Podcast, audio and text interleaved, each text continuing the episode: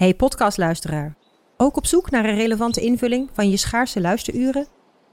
Tune dan in op de podcastserie ESG, even samengevat van BNP Paribas. Wij, Marloes en Aldert, spreken daar duurzame voorlopers en wereldverbeteraars. Waarover dan? Nou, bijvoorbeeld of we ooit duurzaam kunnen gaan vliegen. En waarom koeien in de stad nou een goed idee is? Dat en meer elke twee weken in een nieuwe aflevering. Dus abonneer je. ESG, even samengevat.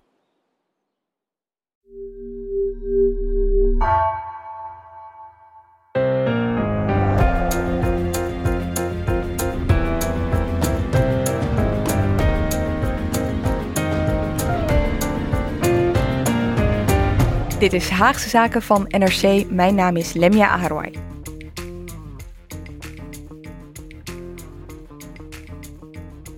Hopelijk heb je een fijne zomer gehad. Goed dat je ons weer hebt weten te vinden.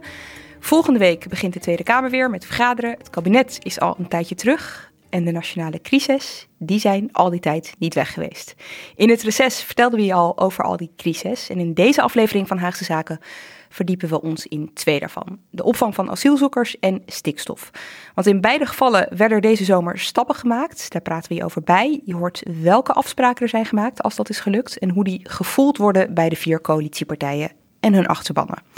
En voordat we daarop doorgaan, nog even iets anders. Want dit was ook de week waarin een aantal van de maatregelen uit het koopkrachtpakket uitlekte. Dat het kabinet met Prinsjesdag presenteert. Je vraagt je misschien af, waarom hebben jullie daar niet over? Nou, dat komt omdat er altijd maar een deel uitlekt. En vaak is dat alleen het zoet. En dan blijkt later dat er ook zuur in zit. En om te voorkomen dat we nu alleen op basis van het zoet gaan analyseren, wachten we dus eventjes. Dus na Prinsjesdag gaan we het er alsnog over hebben. Nu eerst stikstof met iemand die de hele zomer ongeveer met Johan Remkes heeft doorgebracht. Filip de Witwijnen, was het gezellig? Klopt. Ik ben nauwelijks op vakantie geweest en ik heb uh, vooral Remkes gevolgd bij al die gesprekken door het hele land. Voordat we het gaan hebben over wat je daar allemaal hebt meegemaakt uh, samen met uh, Remkes, eerst maar eventjes. Hij is begonnen deze zomer aan een opdracht die hem in juli werd toebedeeld door het kabinet. Wat was die opdracht ook alweer? Ja, eigenlijk had de Tweede Kamer daarom gevraagd in een, een stikstofdebat vlak voor het zomerreces. Die zocht eerst een verzoeningscommissie of een bemiddelaar. En het kabinet kwam met de oplossing van een gespreksleider, een onafhankelijk gespreksleider. En eigenlijk was de voornaamste doelstelling om de boze boeren die de stikstofmaatregelen van het kabinet zo uh, verfoeien, om die weer in gesprek te krijgen met het kabinet en met het departement van Landbouw en ook van Stikstof om die maatregelen, nou ja, om die verder uit te werken en daarover te spreken. De boeren waren weggelopen, waren boos, waren in protest, met hevig verzet langs de snelwegen, op de snelwegen, bij de minister thuis. En het was aan Remkes om die boeren weer nou ja, vertrouwen te krijgen in en aan tafel te krijgen met het Rijk, met Den Haag. En wat waren de woorden die daarvoor werden gebruikt? Er zijn twee brieven gestuurd. Eén algemene brief, toen nog niet de naam van Remkes was bedacht. En daarin schreef minister Van der Wal van Stikstof en minister Staghouwer van Landbouw, die schreven dat er gezocht werd naar een onafhankelijk gespreksleider die uh, een aantal gesprekken zou gaan leiden tussen het kabinet en betrokken partijen uit de agrarische sector. Dit met als doel om weer te komen tot een verstandhouding waarbij de inhoud en het gesprek over een duurzame toekomst voor agrarische ondernemers en het landelijk gebied centraal staan. Dat was brief 1. Toen was nog niet duidelijk wie het zou worden? Nee, en een paar dagen later volgde brief 2, die was heel kort. En daarin werd de naam van Johan Remkes genoemd. Die was bereid gevonden om als deze onafhankelijke gespreksleider op te treden. En daar stond eigenlijk het zinnetje in dat deze gesprekken gericht zouden zijn op verbinding. Dus hij moest verbinding zoeken tussen de verwijderde partijen, boeren enerzijds en kabinet anderzijds. Die boeren die zaten in eerste instantie helemaal niet op Remkes te wachten. Nee, eigenlijk was de keuze voor Remkes vrij uh, opmerkelijk. Want dezelfde Johan Remkes was uh, drie jaar geleden door het vorige kabinet Rutte, Rutte 3, gevraagd om advies te geven over het stikstofdossier. Dat was toen opgekomen in mei 2019 na de beroemde uitspraak van de Raad van State alle vergunningen voor bouwen waren stopgezet, omdat het stikstofsysteem van het kabinet was, uh, nou ja, dat was juridisch niet mogelijk, niet meer haalbaar. Dus Remkes moest een methode bedenken om het stikstofdossier vlot te trekken en kwam toen met eigenlijk uitgeschreven het huidige stikstofbeleid. Dus was in 2020 kwam hij met een rapport. Het rapport heette Niet alles kan overal. En daarin noemde hij twee belangrijke doelstellingen die nu voor het huidige kabinet uh, gelden. Een stikstofreductie met 50%. In 2030. Dus over acht jaar moet de uitstoot gehalveerd zijn. Dat zijn vrij uh, ambitieuze en forse uh, doelstellingen. Die heeft Remkes bedacht. Dus om Remkes aan te stellen als onafhankelijke gespreksleider tussen kabinet en boze boeren, uh, was eigenlijk wel een beetje vreemd. Ja, en Remkes deed er alles aan om dat weg te nemen, om dat gevoel bij die ja, boeren weg te nemen. De boeren riepen meteen, bij monden van LTO, maar ook de meer radicalere boerenorganisaties, van met deze man gaan we niet praten. Want die man is partijdig, die, doet, die zit hier namens het kabinet. En Remkes die uh, heeft dat is hij ook wel goed in. Die heeft uh, bedacht, hoe gaan we dat dan doen? Ik wil deze klus wel aannemen, maar ik moet wel vertrouwen winnen van alle partijen. Hij heeft bedacht, we gaan alle gesprekken buiten Den Haag doen. We gaan niet in Den Haag op een departement zitten. Hij heeft ook alle diensten van het departement van Landbouw en Visserij geweigerd. Die hadden hem een secretariaat aangeboden en een kantoorruimte oh, aangeboden. En, en, en een communicatieman uh, of vrouw. Hij zei, nee, ik neem mijn eigen staf en mijn eigen briefpapier. Hij schreef ook brieven naar alle genodigden. En dat was een blanco briefpapier. En uh, het mailadres was iets van contact.secretariaatjohanremkes.nl. Zo, die kan nu veel mail gaan verwachten. Ja, het had nu al zijn afgesloten, want ja. de opdracht is klaar. Bijna klaar. Maar goed, hij, nou die brief is trouwens openbaar, dus dat is helemaal ja. geen geheim. Maar hij deed dus alles aan. Hij heeft misschien, geloof ik, wel een auto met chauffeur gekregen. En uh, ik denk dat de beveiliging ook was geregeld door, de, door het Rijk. Maar hij wilde buiten Den Haag opereren. En hij heeft ook met gesprekken vooraf wel uh, de partijen zover gekregen om, die al aarzelden of terughoudend waren, om die wel aan tafel te krijgen. In elk geval LTO Nederland, de grootste boerenorganisatie, die kwam, uh, is zeker komen praten. Want hij is 5 juli dus eigenlijk benoemd en uh, daarna is hij op vakantie gegaan en heeft hij gesprekken gevoerd één op één met mensen. En 5 augustus had hij het eerste gesprek. Ja. 5 augustus was eigenlijk het spannendste gesprek. Dat was op het provinciehuis in Utrecht. Daar had hij de boerenorganisaties uitgenodigd. Dat zijn niet alleen de boze boeren, maar ook de, zeg maar, de biologische uh, boerenbedrijven die bereidwillig zijn om stikstofbeleid uit te voeren. Die doen het al heel lang. Maar vooral ook uh, nou, de radicale clubs als uh, Farmers for Defense en Agractie. Maar die wilden niet komen. Die hadden namelijk door, die vonden dat uh, Remkes daar zou zitten, moest zitten als een onderhandelaar, waarbij zij iets zouden kunnen halen, waarbij het kabinet zou moeten bewegen en iets zou moeten inleveren van het stikstofbeleid. Het kabinet zei van tevoren, dat gaan we niet doen. Alles mag besproken worden, geen taboes en er moet ruimte zijn. Maar ruimte om over dingen te praten is iets anders dan om dingen gedaan te krijgen. Nou, daardoor waren er zes partijen van de boerenorganisatie die niet wilden komen. Uiteindelijk hebben ze LTO Nederland gestuurd als uh, enige vertegenwoordiger. En dat gesprek leidde tot niets. Dat was uh, een lang gesprek, nee, niet eens heel lang, twee, drie uur geloof ik. En na afloop riep Remkes en riep het kabinet, we gaan verder praten over een paar weken. We hebben wat huiswerk meegekregen, dat gaan we, dat gaan we uitzoeken. Uh, maar over een paar weken gaan we weer praten. Dat hebben we afgesproken. Maar LTO-baas Sjaak van Tak, die dacht er heel anders over. En die zei, nee, dat gaan wij helemaal niet doen. Het kabinet heeft iets bewogen, maar niet genoeg. En we gaan, zolang zij niet bewegen, gaan we niet met ze praten. Dat was eigenlijk de impasse weer terug. Overigens, dat was dus op het uh, provinciehuis van Utrecht. Want ook de locaties, ja. we hadden het net eventjes over wat Remkes deed hè, om zijn onafhankelijkheid echt heel duidelijk te maken. Hij koos ook echt voor de locaties ja. buiten Den Haag. Ja, en hij koos eigenlijk, ik, hoorde, ik had gehoord dat hij eerst eigenlijk naar um, een soort conferentieorde wilde gaan, waar je grote vergaderzalen hebt. Mm -hmm ergens in de provincie of in het, in het, op het platteland. Dat vond uh, de politie of de, de, de veiligheidsadviseurs vonden dat niet zo fijn, want er werd nog steeds gedacht aan uh, of verwacht en gevreesd voor boerenprotesten. Maar die waren toen ook nog best wel ja, heftig toen hij begon. In, in juli was ja. dat zeker nog aan de hand. Tot eind juli is dat wel doorgegaan. Men vond uh, die, die conferentieorde niet goed te beveiligen. En toen heeft Remkes bedacht, dan gaan we naar de provinciehuizen, want daar zit al beveiliging en daar heb je afgesloten parkeerplaatsen. En hij dacht ook, we gaan naar de provinciehuizen toe. De provincies spelen een belangrijke rol straks in de uitwerking van de stikstofplannen. En die voelen zich dan ook serieus genomen. Den Haag komt de provincie in. Dus hij had als eerste locatie uitgezocht uh, het provinciehuis van Utrecht. Goed bereikbaar uh, langs de snelweg. Er was één probleem. in dat provinciehuis zitten ook 300 vluchtelingen uit Oekraïne. En de politie vreesde in het geval van boerenprotest dat die Oekraïners dat niet leuk zouden vinden met hun, nou ja, misschien traumatische oorlogservaringen. Dus die hadden gevraagd om, aan de Oekraïners om die dag binnen te blijven heb ik toen niks van gemerkt, want ze bleven ook binnen. Maar dat is wel zuur. En ze hebben vervolgens bedacht, we gaan niet meer naar Utrecht, we gaan nee. nu naar andere provinciehuizen. Dus ze zijn in Brabant geweest, in Den Bosch en een paar keer in Arnhem je noemde net al eventjes dat allereerste gesprek. Dat was dus met de vertegenwoordigers, in ieder geval degene die wel wilden, uh, van de boeren. Ja.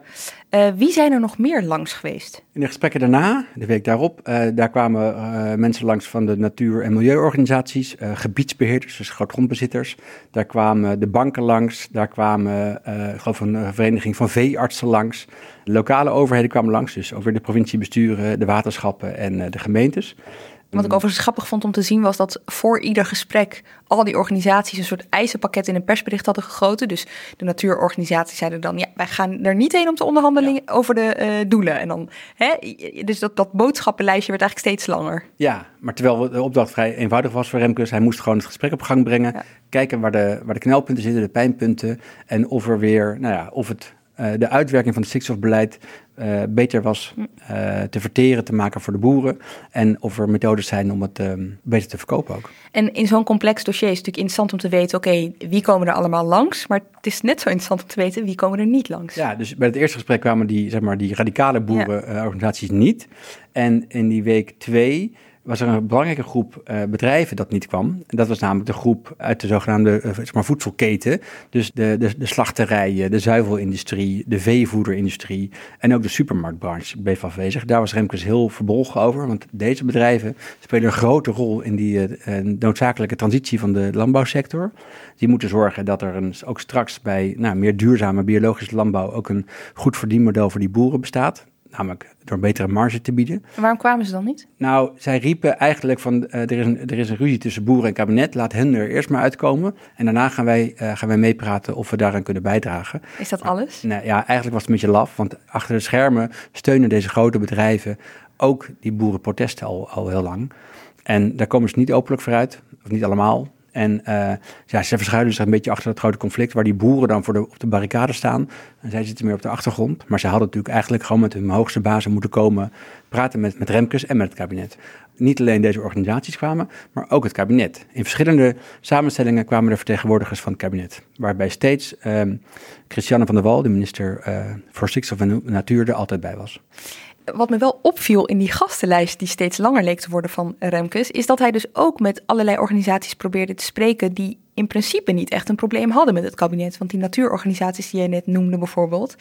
Ik moest weer denken aan de formatie waar wij veel verslag ja. van hebben gedaan, Filip. En waar ook de lijst steeds langer werd met gasten waarvan iedereen dacht, waarom eigenlijk? Ja, kijk, uh, als doel één was om de partijen weer aan tafel te krijgen die verwijderd zijn, dan was het misschien niet nodig om partijen uit te nodigen die met het kabinetsbeleid geen moeite hebben. Maar Remkes heeft geprobeerd om alle partijen die betrokken zijn bij het dossier, dus ook de Rabobank en ook uh, natuur- en milieuorganisaties, aan tafel te krijgen om, om eens te horen hoe zij tegen het probleem aankijken waar zij uh, problemen zien, maar ook waar, waar zij vooral uh, zeg maar oplossingen zien. Misschien creatieve ideeën bedenken, waarbij Remkes, ik denk dat Remkes bezig is geweest om te zoeken naar een mogelijkheid om die, die bittere pil voor de boeren, dat die, die strenge stikstofreductie, iets beter verteerbaarder te maken. Ja, het kan inderdaad dus ook een soort strategie zijn geweest van we verdelen de, de pijn. Jullie zijn niet de enige die langs moeten komen. Ja, want uh, het gaat uiteindelijk om uh, bescherming van de natuur, het verbeteren van de natuur, die er in Nederland slecht voor staat. En dat bereik je voor een groot deel met uh, verminderen van stikstofuitstoot. Maar er zijn heel veel andere factoren die bij, daarbij een rol spelen. Dus hij probeert dat ook een beetje voor zichzelf in kaart te brengen. Dat niet alles op het bordje van de boeren terechtkomt. En wat er op het bordje van de boeren terechtkomt, om dat wat beter te, ja, beter te, te verteren te krijgen. Gaan we naar deze week, afgelopen week moet ik zeggen, op woensdag. Want toen zaten de boeren weer aan tafel tegenover Remkes en een kabinetsdelegatie. Ja. Waarom was dat toch gelukt? Want even leek dat niet meer. Nee. Het was op zich vrij knap, want er was net op 5 augustus afgesproken. We gaan nog een tweede ronde in uh, aan het eind van uh, de gespreksserie. die was gesprek 6. De radicale boerenpartijen hadden daar geen zin in, hadden ze toen al gezegd. Het kabinet moest huiswerk maken. Dat duurde wat langer dan gepland. Remkes wilde eigenlijk al twee weken terug afronden. Wat was dat voor huiswerk? Er waren wat vragen gesteld over innovatie, over uh, stopgezette vergunningen om die weer, uh, om die, om die weer uh, vlot te trekken. Over de beroemde deadline, de naar voren gehaalde deadline van 2030, om de stikstofdoelen te bereiken. Het is even goed om uit te leggen, je zegt naar voren gehaald. De rechter heeft gezegd 2035. In de wet, de stikstofwet staat ja. in 2035 moet de natuur beschermd zijn tegen uh, te veel stikstofuitstoot. Het kabinet heeft op advies van de commissie Remkes ja, van, van twee jaar geleden gezegd, we halen de deadline naar voren, want het moet, er moet nu meer gebeuren. Ja. Tot 2030. Nou, daarvan, daar is heel veel gedoe over geweest. De boeren vinden dat te snel gaan. Het kabinet zegt, we houden daaraan vast. We komen zo op Hoekstra. Ja. Uh, maar de opdracht die Remkes aan het kabinet had gegeven was proberen nog één keer goed uit te leggen waarom dat nodig is, die versnelling. Nou, dat huiswerk is afgelopen week uh, ingeleverd, door, vooral door Christiane van der Wal. En toen heeft Remkes opnieuw die partijen uitgenodigd, de radicale boerenpartijen en LTO Nederland ook zeiden, we gaan niet komen, want we zien nog steeds geen beweging bij het kabinet. Nou, achter de schermen is er toch vrij ook veel gesproken en getrokken. Uiteindelijk kwamen de partijen toch. Op dinsdagavond maakten ze bekend, we gaan toch uh, praten. En dat is op zich een prestatie, want bij gesprek 1 waren heel veel partijen niet gekomen. En nu kwamen ze allemaal wel. In het eerste blok in de ochtend kwamen alle biologische boeren. Dat was allemaal niet zo spannend. Wel belangrijk, maar niet zo spannend politiek gezien. En in de middag, of vanaf 11 uur s ochtends, kwamen dan uh, al die andere boerenpartijen, die er zo geharnast in zitten. En vier uur later kwamen ze allemaal naar buiten en ze zagen allemaal enig licht aan het einde van de tunnel. Oké, voordat we het over dat licht gaan hebben, dat zij dan zien. Hoe heeft Remkes dit voor elkaar gekregen? Want je hebt het over achter de schermen, geprobeerd het toch naar binnen te halen. Heb je enig, kun je enig inzicht geven in, heeft hij ze iets beloofd? Is er iets op de agenda komen te staan wat er eerst niet stond? Nou, het rare was, die, die boerenpartijen zeiden, wij willen de agenda bepalen. Wij willen dat dit en dat besproken werd. En dat gingen ze in persberichten inderdaad heel hard naar buiten brengen. Van als dit niet wordt besproken, dan mhm. gaan we niet komen. Maar Remkes zei, wacht eens even, dat hebben we al lang geagendeerd. Want dat waren precies zo onderdelen van dat huiswerk. Dus dat gaan we sowieso bespreken. En ik vermoed dat hij ook aan het kabinet heeft gevraagd, geef een beetje uh, zicht op, niet beweging dat je van standpunt verandert, maar geef ze de indruk dat er over bepaalde onderwerpen wel te praten valt. Dus niet uh, dat je niets gaat doen. Op het punt van, uh, nou 2030 is, is wel, staat wel recht overeind. Maar bijvoorbeeld op de meetmethode van stikstof, daar kom ik zo nog op terug. Daar uh, is wel, ik heb net wel één handreiking gedaan die belangrijk is, zodat die boerenpartijen denken, hé, hey, er wordt naar ons geluisterd, we worden serieus genomen. Ik denk dat Remkes van tevoren dat wel heeft geïnventariseerd en ook heeft door laten schemeren bij de andere partijen. We gaan morgen daar niet voor Jan Snot zitten. Oké, dan gaan we nu naar dat licht. Dat werd gezien na dat gesprek blijkbaar. Waar zat dat hem in? Nou, waar iedereen het over had, het grootste onderdeel, dat is de, de rare uh, lelijke afkorting KDW. Dat is de kritische depositiewaarde. Dat is eigenlijk een, een, een, technische meetmethode om de staat van de natuur te meten. Die wordt aangetast door stikstof. Dus bij een heel hoog stikstofgehalte verslechtert de natuur. En uh, die kritische grens, dat is de kritische depositiewaarde, daar mag je niet overheen. Dus alle, alle gebieden waar dat wordt overschreden, daar moet stikstofreductie plaatsvinden. Minder uitstoot. En dat wordt, is afhankelijk van de bedrijven, de boerenbedrijven eromheen. Het is een eenheid in, eh, in, in kilogrammen, uh, maar de, de reductie gaat in percentages, dus daar liggen hele harde percentages op. En de boeren zeggen, ja maar wacht even, de natuurverslechtering ligt niet alleen aan onze stikstofuitstoot uh, of de depositie, uh, komt niet alleen door onze koeienmest, maar er zijn ook andere factoren. Daar moeten we ook naar kijken. Dus zij willen eigenlijk een alternatieve meetmethode dan die KDW, dan de kritische depositiewaarde. En daarvan heeft het kabinet nu gezegd in het gesprek: ja, we gaan uh, met jullie samen kijken naar of er andere manieren zijn om, dat te meten, om de, de stand van de natuur te meten. En dan te kijken waar het dan aan ligt, of het alleen aan de boeren ligt of ook nog aan andere factoren. Alleen, uh, ze zeggen erbij, het moet juridisch houdbaar zijn. En het moet ook binnen de timing passen van ons tijdspad van 2030. En je zag bij boerenorganisaties dat dit echt wel binnen werd gehaald als een soort van overwinning. Ja, want ze hebben heel vaak gezegd, het CDA trouwens ook in de Tweede Kamer, die KDW moet uit de stikstofwet. Dat moet niet meer de basis zijn van het, uh, het, meten van de gezondheid van de natuur. Nou, en nu lijkt het alsof het kabinet zegt, we gaan ook naar alternatieven kijken. Het rare is, dat is al lang gebeurd. Een jaar geleden, toch onder het vorige kabinet, is er een studie gedaan door het eh, ministerie van LNV. En die heeft gekeken naar uh, alternatieven voor KDW. En dat bleek eigenlijk niet haalbaar. Er zijn allerlei argumenten voor. Nou, ze gaan het nu, nu nog een keer doen. Aha. Ik heb het gevoel dat het uh, een beetje een, uh, ja, een zoethoudertje is voor die agrarische sector. Klinkt alsof ze gaan onderzoeken om nog wat ze al hebben onderzocht. Ja, eigenlijk wel. Dat is ook een bekende Haagse methode van nog eens een keer een onderzoek eroverheen gooien. De, de, de timing hiervoor is beperkt, want Remkes zegt we moeten over een week of zes moet daar wel duidelijkheid over zijn. Nou, er zijn nog wat dingen, ook het begrip innovatie wordt naar gekeken. Boeren zeggen, het kabinet wil onze veestapel halveren als enige methode om stikstof uh, te reduceren. Je kunt ook stikstof reduceren door uh, mest te scheiden. Dus daar heb, je, daar heb je bepaalde innovatieve machines voor nodig. Ja. Nou, die zijn er, maar er zijn ook heel veel innovatieve methodes die door de rechter niet worden erkend als daarmee haal je de stikstofdoelen. Nou, er is nu ook gezegd door het kabinet, we gaan toch kijken naar innovatie, mits het juridisch houdbaar is ja. en haalbaar is is er één belangrijk heikelpunt waarvan de boeren denken dat ze iets hebben uh, binnengehaald. In 2019, met die uitspraak van de Raad van State, kwamen er heel veel boerenbedrijven in problemen, want hun vergunningen werden onmiddellijk stopgezet. De zogeheten pasmelders. Die vielen onder de pasregeling, uh, zeg maar het stikstof, laten we zeggen, uitstel- en uitschuifsysteem wat er de vorige kabinetten was bedacht. die zaten nu vast. Die konden niet meer investeren, konden niet meer uitbreiden, kregen geen financiering meer. Die zitten al twee, drie jaar te wachten op wat nu, hoe nu verder.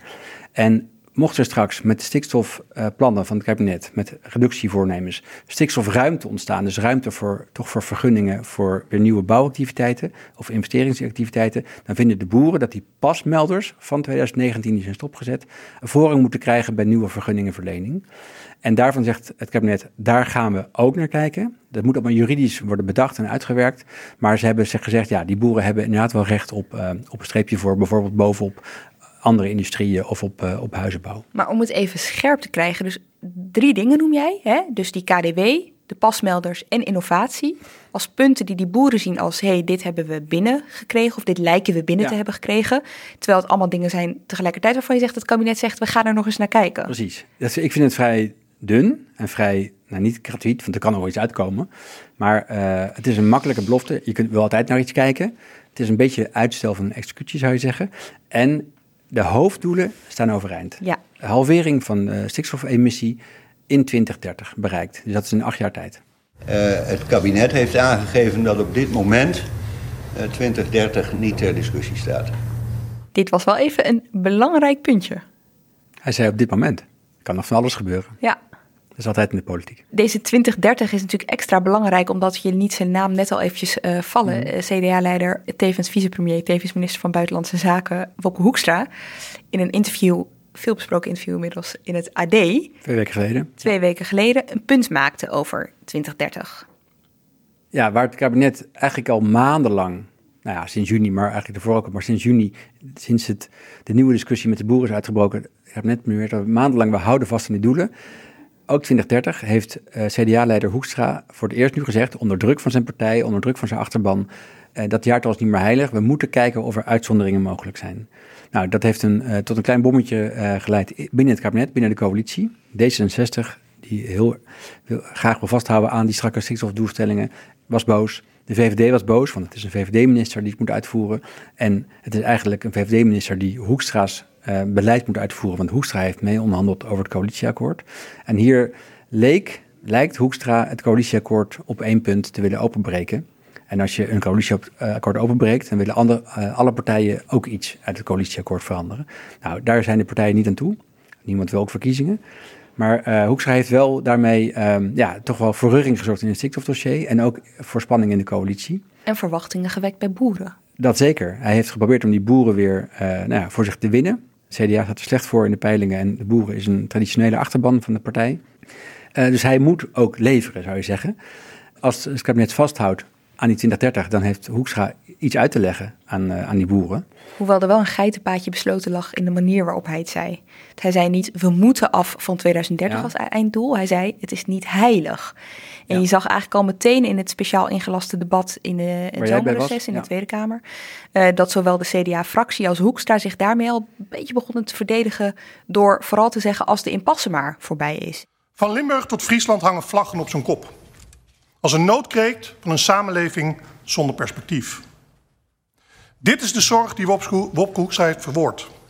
De impasse die moet worden doorbroken. En je zou kunnen zeggen, na deze week, hè, je hebt er zelf verslag van gedaan... Mm -hmm. de boeren zitten weer aan tafel bij het kabinet, de impasse is voorbij... Ja ja, voor het CDA, door, door dat woordgebruik van niet heilig, uh, daar zit, dat laat natuurlijk best wel veel ja, maar ruimte. als het overeind blijft, dan zal het CDA het wel moeten uitleggen aan diezelfde boerenorganisaties. Want ik heb woensdag mm. Uiteraard ook die boerenpartij gesproken in de afloop. En die klampen zich wel vast aan die belofte Absoluut. van Hoekstra. Die vinden dat daarmee uh, er echt een opening is om dat jaartal weg te nemen en uh, weer te verschuiven. Ze zijn ook niet tegen stikstofdoelen, maar ze moeten er meer tijd voor krijgen, vinden ze. Um, Geldt overigens ook voor de CDA's die hij tevreden probeert te stellen. Ja. Want vlak voor het zomerreces was er een ledenbijeenkomst over stikstof. Ja. Waar nou ja, uh, leden behoorlijk boos waren op Wopke mm. Hoekstra en de kabinetsplannen over stikstof. En ik ben gaan bellen met een aantal mensen die daarbij waren. Uh, na dat interview met Hoekstra. En ja, daar heeft hij toch wel echt de verwachting ja. neergelegd dat hij met 2030 niet heilig verklaren ja. bedoelt dat 2030 ja, losgelaten Die verwachting is zeker gewekt. En uh, Jacques van der Tak, de voorman van LTO Nederland, die zei woensdagmiddag ja, die drie punten, die, die, zeg maar, die, met, die technische punten hebben we net genoemd, die hebben, hebben ze minder van binnen gehaald. Daar gaan ze verder over praten. Maar Van Tak zei ook, we gaan ook verder praten, maar het onderhandelen begint nu pas. Dus waar Remkes geen onderhandelaar was, zegt Van Tak, we gaan nu pas onderhandelen. En dan zullen we ook die punten van 2030 meenemen en van het uh, stikstofdoel op zich. Dus dan zie je toch weer verschillende manieren van kijken naar hetzelfde of zo. Het, is, het blijft een beetje fascinerend. Hey, En um, de vraag is, hoe gaat het nu verder? Want dat gesprek van woensdag zou eigenlijk het laatste gesprek zou zijn geweest van de, van de Remkes. Dat is het nog steeds. Maar uh, Jacques van de Tak zegt, we, gaan, we beginnen nu pas. Nee, oké. Okay. Uh, het zit anders. Remkes heeft eigenlijk uh, de gesprekken tussen kabinet en boeren weer op gang gekregen. Met deze gespreksrondes in, in zes, deze zes gespreksrondes. Mm -hmm. Ook met andere partijen. Hij, hij, laat nu de dialoog weer ontstaan tussen kabinet en, de, hij zegt vooral departement en de boeren. Over die punten die we net noemden. Uh, Remkes zal nog wel, over een week of twee, tweede helft september, zal hij met een uh, rapport van, uh, of een verslag van zijn bevindingen komen. En hij zal ongetwijfeld met aanbevelingen komen. Zoals hij zelf noemt, ik denk dat ik wat verstandige dingen ga roepen over het stikstofdossier. Maar dat gesprek zal nu op gang blijven. En zoals Van Tak zegt, dan gaan we echt oh. serieus naar de inhoud kijken en gaan we onderhandelen. Dus Remkes is er niet meer bij bij die Remkes is, is gewoon klaar. Als er een onderhandelaar nodig is, dan heeft hij er zelf geen zin in, heeft hij al een paar weken terug gezegd. Hey, je noemde een paar keer de naam van Christiane van der Wal, dat zij er de hele tijd uh, bij is. Hij is natuurlijk mijn minister, uh, ja. stikstofminister. Um, er is één iemand waarvan ik me de hele tijd afvraag, waar is hij eigenlijk? Dat is, zijn naam viel wel één keer, Henk Staghouwer, ja. die minister voor Landbouw. Van Landbouw, ja. Van Landbouw. Van de ChristenUnie, van Landbouw. Van de ChristenUnie. De laatste keer dat we hem hoorden, ik heb nog even terug zitten zoeken, mm. was in het debat over die stikstofbrief op 23 juni. En toen had hij vooral een heel erg ontevreden Tweede Kamer uh, tegenover zich uh, staan. Je hoort bijvoorbeeld Jesse Klaver, oppositiepartij GroenLinks en Dirk Boswijk, coalitiepartij CDA, hem bevragen. U moet keuzes gaan maken als minister. Dus wel, ja, sorry, ik, ik, ik weet bijna niet wat ik moet vragen. Want er valt hier bijna niks over te vragen. Waarom pas in november met deze brief komen? Alle ingrediënten liggen er. En continu zeg ik, hè, de kontperspectief. En ik vind het dan heel erg jammer dat dat, dat er nu gewoon eigenlijk niet ligt. En um, ik moet morgen, sta ik voor een zaal... en weet ik eerlijk gezegd niet wat ik moet vertellen. En Staghouwer, die, die kwam er niet echt uit. Die bleef een beetje hakkelen. Dat ging niet helemaal goed. Dan... Um eens even kijken. Um, dan ga ik zo naar de ketenpartijen. De, het verdienvermogen en het, de niet vrijblijvende bijdrage van de keten, mevrouw de voorzitter. Ik heb net aan de leden gevraagd om even te wachten. Ik wil even de minister nu echt de kans geven om even wat vragen te beantwoorden. En daarna krijgt u alle gelegenheid om vragen nog te stellen. Maar de minister is net weer even op gang gekomen, zeg ik maar. Ja, en het gaat er niet eens zozeer om hoe hij het zegt. Maar hij had ook gewoon inhoudelijk niet voldoende, vond de Kamer. Het gaat om twee dingen. Uh, uh, op 10 juni kwamen er twee brieven naar de Tweede Kamer. En dus ook naar, naar de agrarische sector. Van der Wal kwam met haar stikstofdoelen en het beruchte kaartje met die percentages van vermindering die nodig is eh, per provincie, per gebied, heeft heel veel gezeik opgeleverd.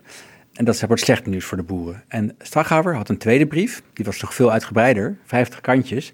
En die moest perspectief voor de boeren bieden in, uh, tijdens en na de transitie van die landbouwsector die nodig is. Dat was een uh, zware onvoldoende voor de Tweede Kamer. Er stond niets nieuws in. Er was een, zoals SGP'er Bisschop uh, het noemde, een bundeling van bestaande plannen met een nietje erdoor. En Staghouwer heeft huiswerk gekregen van de Tweede Kamer. Die moest niet in november pas, maar al in september, dus deze maand, terugkomen met een nieuwe brief. Met een duidelijk, helder verhaal. Met een denkend perspectief voor de landbouwsector. Die voor die zware stikstofopgaven staan. Maar die moeten ook na die stikstofopgave in een nieuw landbouwstelsel uh, geld kunnen blijven verdienen. Was hij dan daarom onzichtbaar de afgelopen tijd? Was hij dat aan het schrijven? Hij heeft uh, zich voorgenomen om die brief te maken, maar daar heeft hij gewoon nog niets van laten zien. Hij heeft wel met de Kamer al een beetje bijgepraat wat de contouren zullen zijn. Maar hij, hij speelt dus nog geen rol in die gesprekken met Remkes, omdat hij nog niets kan zeggen. En Remkes vindt het ook volgens mij vrij frustrerend, want hij heeft alleen maar over het slechte nieuws kunnen praten met al die organisaties. Ja. Hij wil liever ook het een beetje positievere beeld kunnen schetsen. Dus daarom heeft Remkes gezegd, ik ga daar wel naar kijken, naar wat voor leuke ideeën zijn er nog om het wat makkelijker te maken voor de boeren. Dus eigenlijk doet Remkes het werk van Staghouwer. Ook nog. Over of parallel. En Staghouwer zegt, ja, nou ja, ik sprak hem ook uh, woensdag. Hij zei, ik maak mijn eigen verhaal, maar ik ben ook wel geïnspireerd geraakt door al die gesprekken. En ik denk dat het, het verhaal van Remkes uh, met mijn brief kan versterken. Nou, ik moet het nog zien. Hij is nog niet klaar, het is nu begin september. De Kamer wil de brief heel snel hebben, uh, liefst voor Prinsjesdag. En wilde al voor Prinsjesdag ook met de minister in debat. Maar dit is een hele belangrijke opdracht voor hem. Bovendien staat er een grote pot met geld kwa- klaar van 25 miljard om het die boeren ja, makkelijker te maken om met een bedrijf te stoppen of compensatie te krijgen voor eh, bijvoorbeeld minder vee. Ja, maar grote kans dus dat hij eerst wacht op Remkes. Dat lijkt mij wel, want dan kan hij ook, eh, nou ja, kijk, hij, hij moet geen dingen gaan schrijven waar Remkes weer Ja, eh, een streep doorheen zet. Dat zou heel raar zijn. Hij kan beter eh, een beetje parallel blijven aan, aan zijn proces. Oké, dus dan wordt het waarschijnlijk wachten op Remkes en dan Staghouwer. En dan kijken hoe de gesprekken verder lopen tussen de boeren en het kabinet. Zeker. En er komen ook nog later in het jaar nog allemaal eh, andere studies en brieven van ministers. Eh, Mark Harbers moet nog een brief over eh, de kwaliteit van het water schrijven. Voor waterdoelen. Eh, minister Jette van Klim- voor Klimaat die moet nog klimaatdoelen eh, uit- nader uitwerken. Er komt nog een studie van het Planbureau voor de Leefomgeving met, dat heet de, de klimaat- en energieverkenning. Allemaal factoren die ook voor de, het natuurbeheer een grote rol spelen. En dus ook het leed van de boeren kunnen verzachten als andere sectoren en andere factoren dat natuurbeheer kunnen eh, verbeteren. Kijken hoe vaak ze Johan Remkes de komende tijd toch nog van stal moeten gaan halen. Hij is weer beschikbaar, want hij is bijna klaar met deze klus. Dankjewel, Filip de Witwijnen. Graag gedaan. En de tweede crisis waar we het over gaan hebben in deze aflevering van Zaken is de crisis in de opvang van asielzoekers. Denise Retera, redacteur Justitie en Veiligheid. Daar weet jij alles van. Nou, we hebben allemaal wel de beelden gezien waarschijnlijk van Ter Apel afgelopen zomer. Ehm, in juni lagen er al asielzoekers eh, in tenten buiten en ze sliepen op stoelen. En dat werden er eigenlijk steeds meer. En in het dieptepunt op augustus sliepen er eh 700 mensen buiten, niet in een tent ehm, voor Ter Apel, voor het aanmeldcentrum. Tegelijkertijd was eh, Erik van den Burg, staatssecretaris van, eh, voor asiel, heel druk bezig, eigenlijk al heel lang, met eh, het vinden van nieuwe opvanglocaties. Het was heel lastig, lukte niet goed genoeg. Waardoor hij in augustus de gemeente van Tubberg in Overijssel heeft gepasseerd. Het COA, het Centraal Orgaan Opvang Asielzoekers, die heeft daar een hotel gekocht in Albergen, waar 300 vluchtelingen in en bij gehuisvest moeten worden. Ja, ik zal later deze aflevering nog uitleggen hoe dat eh, passeren precies werkt, eh, juridisch. Maar al met al was het een eh, hete zomer op asielgebied, in negatieve zin. Eind augustus kwam het kabinet met een, ehm, een nieuw asielplan, met noodmaatregelen om Ter Apel te ontlasten. Laten we daar maar meteen wat dieper op ingaan. Want het was een heel pakket aan maatregelen. Wat houdt het in hoofdlijnen in? Ja, het, het, is een noodplan, dus om, om de acute crisis te beteugelen eigenlijk. Eh, ik ga ze niet allemaal stuk voor stuk af, maar de belangrijkste zijn eigenlijk op te delen in twee categorieën. Dus het eh, versneld huisvesten van statushouders, dat zijn dus asielzoekers die al verblijfsvergunning hebben gekregen. En het eh, terugdringen van de hoeveelheid mensen dat asiel aanvraagt. En om met dat laatste te beginnen, we gaan het straks hebben over die maatregelen, maar ik denk dat het goed is om het eerst hebben over hoeveelheden. Want is de hoeveelheid mensen die nu asiel aanvraagt hoger dan normaal? Eh, wel hoger dan in coronatijd, eh, logischerwijs. Niet hoger dan in bijvoorbeeld 2015. eh, toen had je de crisis met de Syrische vluchtelingen. Ja, qua cijfers tot met juli van dit jaar gaat het om ongeveer 24.000 asielaanvragen. Vorig jaar ging het om zo'n 40.000 aanvragen. Dus het lijkt erop dat het er dit jaar meer gaan zijn. Maar als je naar 2015 kijkt, toen eh, ging het om bijna 59.000 aanvragen. Eh, veel meer dus. Daarvoor eh, lagen de aantallen wel iets lager. In eh, 2014 werden er bijvoorbeeld nog geen 30.000 aanvragen gedaan. Ja, maar we hebben wel hogere pieken gekend dus dan dat er nu zijn. Ja, zelfs of zeker. dan Ja. dat er dit jaar verwacht worden. Ja. Oké, laten we gaan naar die twee categorieën die je net eh, noemde. De eerste daarvan is het naar beneden brengen van het aantal mensen dat hier asiel aanvraagt. Ja, ja dat is wel belangrijke aspect ervan, eh, inderdaad. Ze willen onder meer de eh, EU-Turkije-deal opschorten. Even heel simpel gezegd is dat de afspraak die de EU heeft gemaakt met Turkije. Turkije die eh, controleert haar grenzen strenger, want daar komen heel veel, of kwamen vooral heel veel ehm, asielzoekers uit het Midden-Oosten naartoe. En in ruil daarvoor hebben de EU-landen beloofd om asielzoekers over te nemen van Turkije, maar dus eh, een bepaald aantal. Voor Nederland is het duizend per jaar, waardoor het dus allemaal meer gestructureerd verloopt en asielzoekers niet vanuit Turkije gaan ronddwalen zeg maar, door Europa. En nou ja, dat wil het kabinet gaan opschorten, die deal. Wat zou betekenen dat tot eind volgend jaar 1250 minder asielzoekers naar Nederland eh, komen. En dat is echt, het is wel iets om even bij stil te staan. Want Ja. die Turkije-deal, dat- die komt uit de Nederlandse koker. Ik kan me nog de trots herinneren hier in de wandelgangen dat Nederland dit had bedacht. En nu ja, kiest Nederland ervoor om dit tijdelijk te stoppen? Mag het? Kan het? Nou, het is een afspraak, dus het is zeker niet de bedoeling. Maar Nederland heeft zich best goed aan deze deal gehouden. Die heeft um, na Duitsland de laatste jaren uh, de meeste Syrische vluchtelingen uit uh, Turkije opgenomen. Wat uh, best wel een groot aandeel is van het totale aantal vluchtelingen daar. Dus ja, als andere Europese landen zich minder goed aan de deal hebben gehouden dan Nederland, dan denkt Nederland waarschijnlijk van, dan kunnen wij ook wel een jaartje wat minder doen. En komen ze er waarschijnnlijk mee weg. Maar het is dus wel risicovol. Het is niet zonder risico's. Ja, het is zeker risicovol, want nou ja, Turkije heeft de deal al vaker gebruikt als even gechargeerd chantagemiddel. Dus in theorie zou die de poorten kunnen openzetten voor alle asielzoekers die daar zitten. De poorten naar Europa. Ze zouden kunnen zeggen, wij houden ons ook niet meer aan onze kant van de deal als jullie je niet meer aan, ja, aan jullie kant van de ja. deal houden. Nederland wil zich dus niet meer aan die afspraak houden voorlopig. Dat betekent dat we op jaarbasis, dus uh, het komende jaar, duizend mensen minder zouden opvangen. Is dat dan genoeg om die opvangcrisis op te lossen? Uh, nee, waarschijnlijk niet. Daarom is er nog een andere belangrijke maatregel um, waarvan Nederland hoopt dat die veel gaat doen. Dat is het recht op gezinshereniging uitstellen. Dat mag je niet verbieden, gezinshereniging. En dat doet Nederland ook niet. Maar er worden strengere voorwaarden aangesteld. En die voorwaarde is dat je als statushouder, dus als um, uh, iemand met een verblijfsvergunning, je familie pas mag laten overkomen als je een woning hebt gevonden. Eerder was dat niet zo. Toen mocht je ze laten komen als je nog in het AZC zat. Met als gevolg dat die familie dus ook weer plekken bezet zou houden in het AZC. Er is wel een kleine nuance, want uh, Nederland uh, mag dat niet eindeloos uitstellen natuurlijk. Het maximum is 15 maanden. En als je dus eerder al een woning vindt, mag je ze eerder laten overkomen.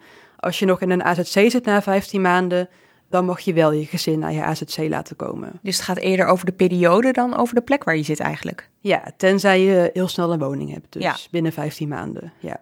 Maar gezinshereniging, je geeft net al eventjes aan, hè? het gaat niet om verbieden, het gaat om uitstellen. Het is wel iets waar je recht op hebt, toch? Ja, daarom is er ook veel om te doen. Want toen het plan naar buiten kwam, zeiden veel experts van... dit kan niet. Uh, anderen zeiden, uh, dit kan wel, dit is nog binnen de perken. Het is vaag. Wat Nederland eigenlijk aan het doen is, is oprekken. Dus uh, gebruik maken van de tijd die ze hebben om bepaalde beslissingen te nemen. Dus ze nemen het maximum van negen maanden dat je mag gebruiken voor het verwerken van de aanvraag voor gezinshereniging. En de zes maanden voor de visumverlening. In totaal 15 maanden dus. Wat je eigenlijk doet is met, met, met opzet dus gebruik maken van die maxima. Ja, precies. Want normaal is het uiterlijk 15 maanden. Precies. Nu is dat de regel. Ja. Dus sommige experts zeggen dat oprekken is in strijd met het Europees Verdrag voor de Rechten van de Mens en de Europese gezinsherenigingsrichtlijn. Maar zelfs als dat zo zou zijn, eer dat Nederland wordt teruggefloten door de rechter, uh, zijn we alweer een jaar verder. En dus een jaar aan minder asielzoekers die hierheen komen. Ja. De kritiek is niet mals. Hè? Ik bedoel, uh, bijvoorbeeld de kinderombudsman heeft zich er deze week over uitgesproken. Die noemt het zelfs onmenselijk om kinderen dus zo lang willens en wetens gescheiden te houden van ouders of van een van uh, de ouders. Ja, volgens haar is het ook in strijd met het uh, kinderrechtenverdrag. Dus om dit even samen te vatten, een van de manieren waarop het kabinet deze crisis wil oplossen, is dus om iets te doen aan het asielzoekers, aan het aantal asielzoekers, moet ik zeggen, dat naar Nederland komt. Dat doen ze dus door uh, de Turkije-deal uh, tijdelijk stop te zetten, eenzijdig. En uh, aan de andere kant door gezinshereniging ook tijdelijk stop te zetten. Uit te stellen, ja. Uit te stellen is het juiste woord, -hmm. inderdaad. Oké. Okay. De tweede manier waarop het kabinet deze crisis wil oplossen, heeft te maken met huisvesting. Wat zijn de maatregelen die daarmee te maken hebben? Het COA heeft aangegeven dat er voor het einde van het jaar 16.000 nieuwe opvangplekken nodig zijn. Dat is echt heel veel voor het einde van het jaar. Maar als dat lukt, uh, dan uh, zouden we in totaal in Nederland 51.000 opvangplekken hebben. Wat zou kunnen helpen om uh, meer plekken vrij te maken, is statushouders sneller een woning geven. Zij houden nu ongeveer een derde van de plekken in de AZC's bezet, omdat het zo moeilijk is om door te stromen, wat weer met de woningcrisis te maken heeft. En wat is de oplossing die ervoor bedacht is? Er is geen directe oplossing, maar er is een streven. Het kabinet wil dat, 20, dat er 20.000 woningen uh, dit jaar nog beschikbaar worden voor statushouders. En in de twee jaar daarna moeten er nog zo'n 37.000 flexwoningen komen. Die moeten nog worden gebouwd. En flexwoningen zijn eigenlijk snel realiseerbare, uh, vaak wat kleinere woningen die niet geschikt zijn om er echt lang te wonen, maar bijvoorbeeld wel voor studenten of dus als een tussenwoning voor, uh, voor statushouders. Maar ik zit even te denken, hè. 20.000 woningen in dit jaar, dat betekent in de komende vier maanden. Dus dat zijn 5000 woningen per maand de komende vier maanden. En daarbovenop heeft het COA dus ook nog eens 16.000 nieuwe opvangplekken nodig, ook nog dit jaar. Ja, dat is ook niet mals, nee. Nee, ja, ik probeer even, zeg maar, het zijn cijfers, weet je wel. Je ziet ze op papier in, die, in die plannen, maar ik ben best benieuwd naar de wereld erachter in hoe ze dat voor elkaar gaan krijgen. Goed, dit gaat dus om mensen die een verblijfsvergunning hebben en die dus recht hebben op een woning, hè, wat je net noemde. Dus de doorstromen echt naar woning. Maar behalve die mensen zijn er ook nog gewoon asielzoekers die nog geen verblijfsvergunning hebben. En die pas in de procedure zitten om asiel aan te vragen. Of die aan het afwachten zijn, hè, eh, of ze wel of niet een status krijgen. Die groep moet ook ergens heen. Om die allemaal op te vangen moeten er natuurlijk extra opvangplekken in gemeenten komen. Dat weten we al heel lang. En we weten ook allemaal, denk ik, dat het allemaal heel gevoelig ligt. Dan zag je bijvoorbeeld in Tubbergen, waar we het even over hadden. Wat ook heel gevoelig ligt, is de wet die het kabinet wil invoeren uh, om uh, hier nu echt werk van te maken, of eigenlijk om gemeenten daar werk van te laten maken. Dat is een wet die eigenlijk al uh, voor het nieuwe asielplan was aangekondigd. En met die wet um, moeten gemeenten worden, worden verplicht om een bepaald aantal asielzoekers op te vangen. Dat is nu nog niet zo. Nee, er is wel een verdeelsleutel van hoeveel asielzoekers per gemeente uh, er opgevangen moeten worden, maar zij zijn nog niet uh, verplicht om dat te doen officieel. En in de praktijk zie je dus ook dat veel gemeenten die aantallen helemaal niet halen. Nee, nee zeker niet. Nee. Oké. Deze wet zou ze dus kunnen gaan dwingen. Die wet is pas in de maak, vertel jij, is dus nog niet ingevoerd. Denk ik toch weer even terug aan Tubbergen. Daar was wel sprake van een gedwongen opvanglocatie. Hoe rijdt dat met elkaar? Ja, zo zou je het wel kunnen noemen. Eigenlijk in zekere zin is het dwang natuurlijk. Het was een andere situatie, want die wet is er nog niet doorheen. Er is nog geen wetsvoorstel, dus dwang op die manier is niet mogelijk. Maar wat het Rijk nu heeft gedaan, is um, het heeft een hotel gekocht uh, om daar een AZC van te maken. Wat je daarvoor moet doen, is het bestemmingsplan aanpassen. Dus van hotel naar asielzoekerscentrum. En normaal gesproken zou de gemeenteraad uh, daarover gaan, over de aanpassing van dat bestemmingsplan. Maar in dit geval heeft Van der Burg de gemeente gepasseerd. En dat kan in een geval van nationaal belang, zoals dat heet. Dan mag het Rijk dat doen. Het maakt dan gebruik van het ruimtelijke ordeningsinstrumentarium. Goed woord uh, voor Scrabble. Zeker. en dat wordt soms ook gebruikt als er bijvoorbeeld uh, windmolens geplaatst moeten worden waar veel weerstand tegen is, of hoogspanningsmassen die niemand wil. Dan kan het Rijk ja, de gemeente overrulen, als het ware. En wat er in Tubbergen is gebeurd, zorgt ook voor debat over uh, die dwang. En dus ook over de, de wet die eraan komt. Uh, vooral in de VVD is dat het geval, de laatste ja. weken. Hey, en als je dan zegt, um, wat in Tubbergen is gebeurd, is dus eigenlijk anders dan wat er in die wet komt uh, te staan. Ja. Vraag ik me af, ja, dit is eigenlijk al een manier van dwang. Hoe, hoe werkt dwang dan straks in die wet? Nou ja, daarin komt waarschijnlijk een verdeelsleutel te staan, of diegene die al bekend is.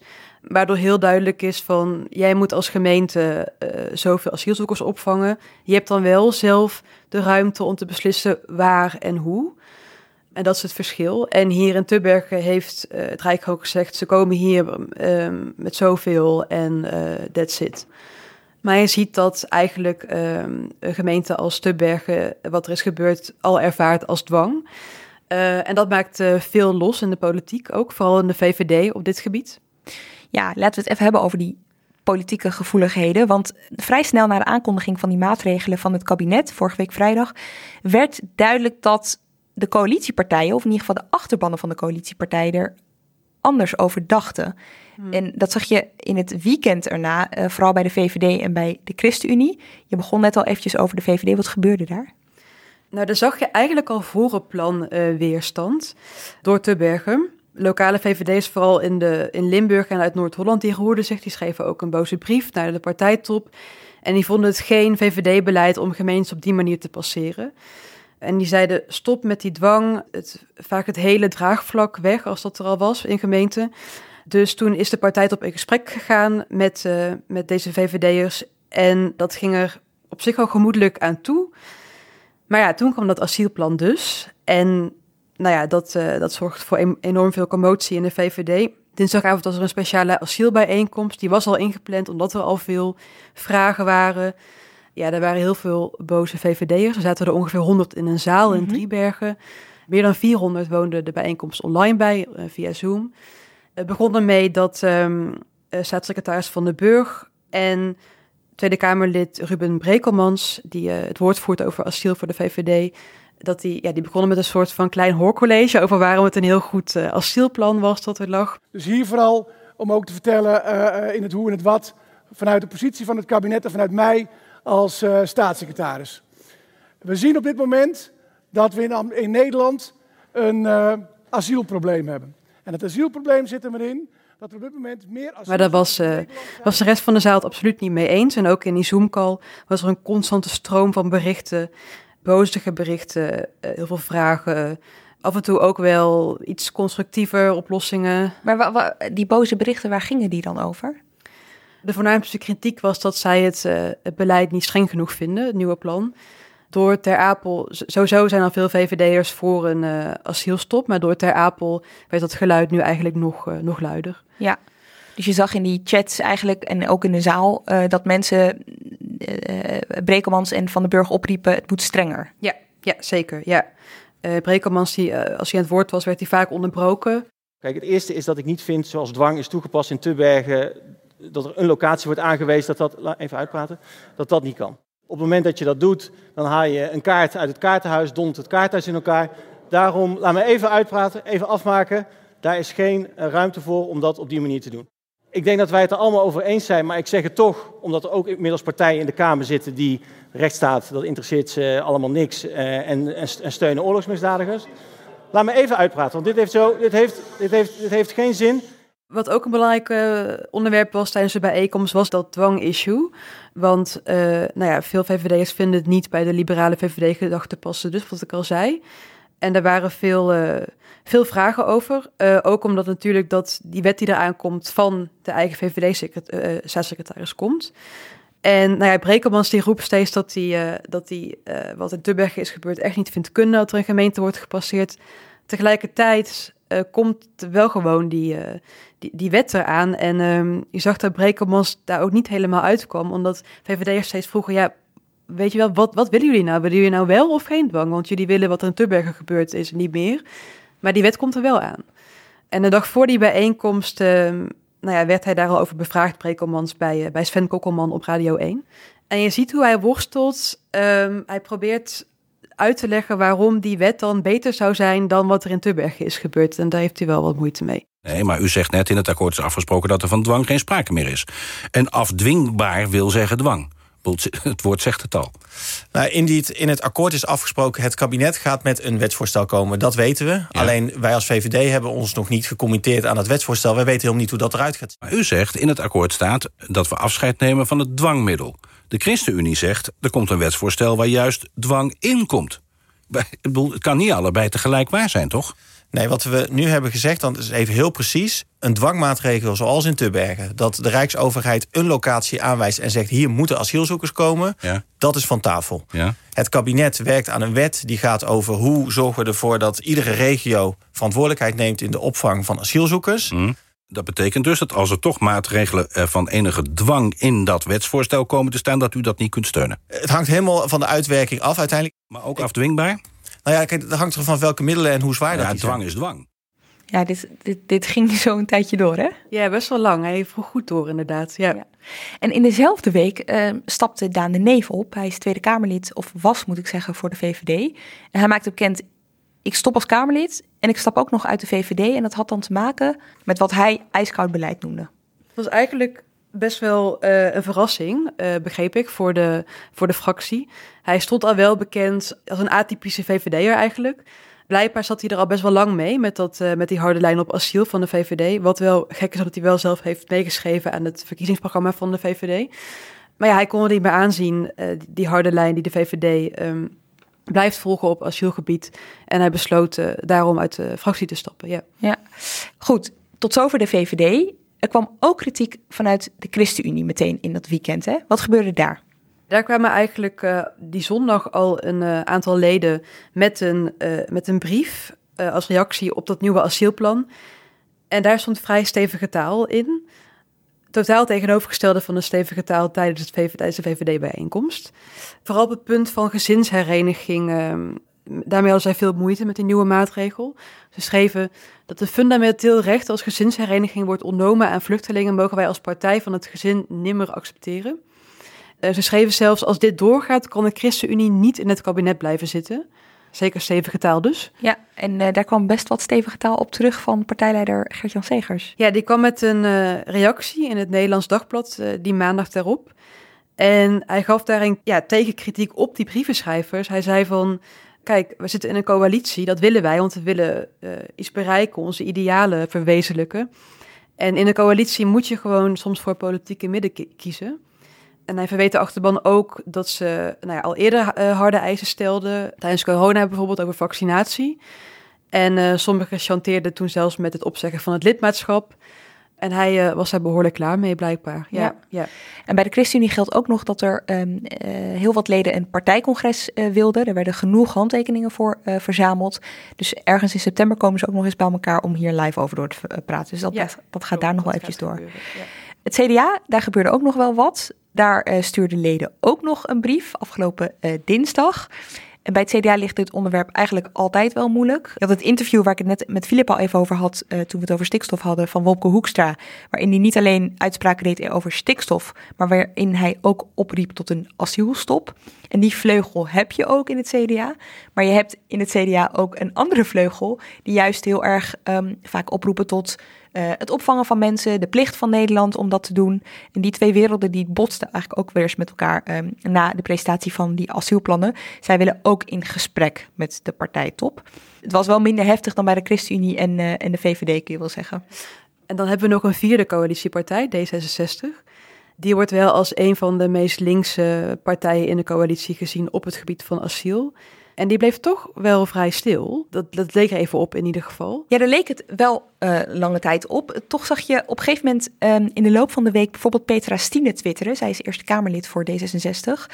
Dat er velen geschokt zijn door de onmenselijke situatie in Ter Apel bij D66. En dat er zorgen zijn over het asieltekort.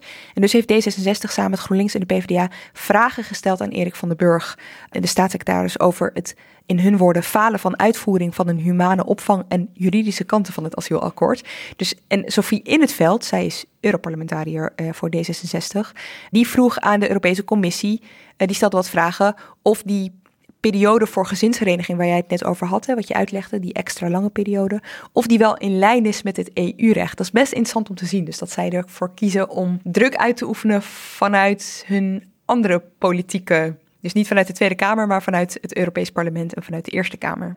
Ja, wat ik ook wel heel grappig vond, was hoe anders D66 de nieuwe asielplannen uitlegde uh, dan de VVD op hun website. Het leek echt een tegenovergesteld plan. Um, de VVD die kwam met een soort graphics met als kop asielcrisis aanpakken. En dan stond, stonden de harde dingen als uh, beperken aantal asielzoekers dat naar Nederland komt. Uh, geen dwang meer zoals in Tubbergen meer en strengere grenscontroles. En uh, nou ja, kruisjes en vingertjes en handjes. Stopborden. Stopborden. Ja, en D66 die legt het dus uit in een stuk tekst op de site met als kop... een grote investering in humane opvang. Het is echt heel grappig. Hè? Het lijkt wel alsof ze allebei uitleg geven van een heel ander plan. Ja, maar het gaat om hetzelfde plan. Ja, het gaat om hetzelfde plan inderdaad. hey, en dit gaat nog wel eventjes door natuurlijk. Waar let jij op? Waar wacht jij op? Nou, wat ik interessant vind is in dat nieuwe asielplan staat ook iets mysterieus. er staat in dat er een fundamentele heroriëntatie komt op het huidige asielbeleid en de inrichting van het asielstelsel. En dit najaar zal het kabinet met een opzet daarvoor komen. Dus ik ben uh, erg benieuwd hoe dat er gaat uitzien. En natuurlijk, de, de, het wetsvoorstel komt eraan. Ja, en ik verwacht nog wel meer uh, opvanglocaties en veel gestekkel daarover. Ja, ja. Nou, daar gaan we je nog uh, over horen hier in Haagse Hopelijk wel, ja. Dankjewel, Denise Retera. En jij ook weer bedankt voor het luisteren. Um, als je meer wil weten over de gesprekken die Remkes heeft gevoerd... en de crisis bij de opvang in Ter Apel... luister dan ook even naar de podcast vandaag... We hebben de relevante afleveringen die zij hebben gemaakt hierover voor je in de show notes gezet. Haagse Zaken is dus weer terug van zomerreces, dus we zijn weer iedere zaterdag in je feed te vinden. En abonneer je, dan weet je zeker dat je ons niet mist. Redactie en productie van deze aflevering waren in handen van Iris Verhulstonk en Ruben Pest. Montage door Pieter Bakker. Tot volgende week. Technologie lijkt tegenwoordig het antwoord op iedere uitdaging. Bij PwC zien we dit anders. Als we de potentie van technologie willen benutten, kunnen we niet zonder een menselijk perspectief. Human-led, tech-powered noemen we dat. Ga naar pwc.nl.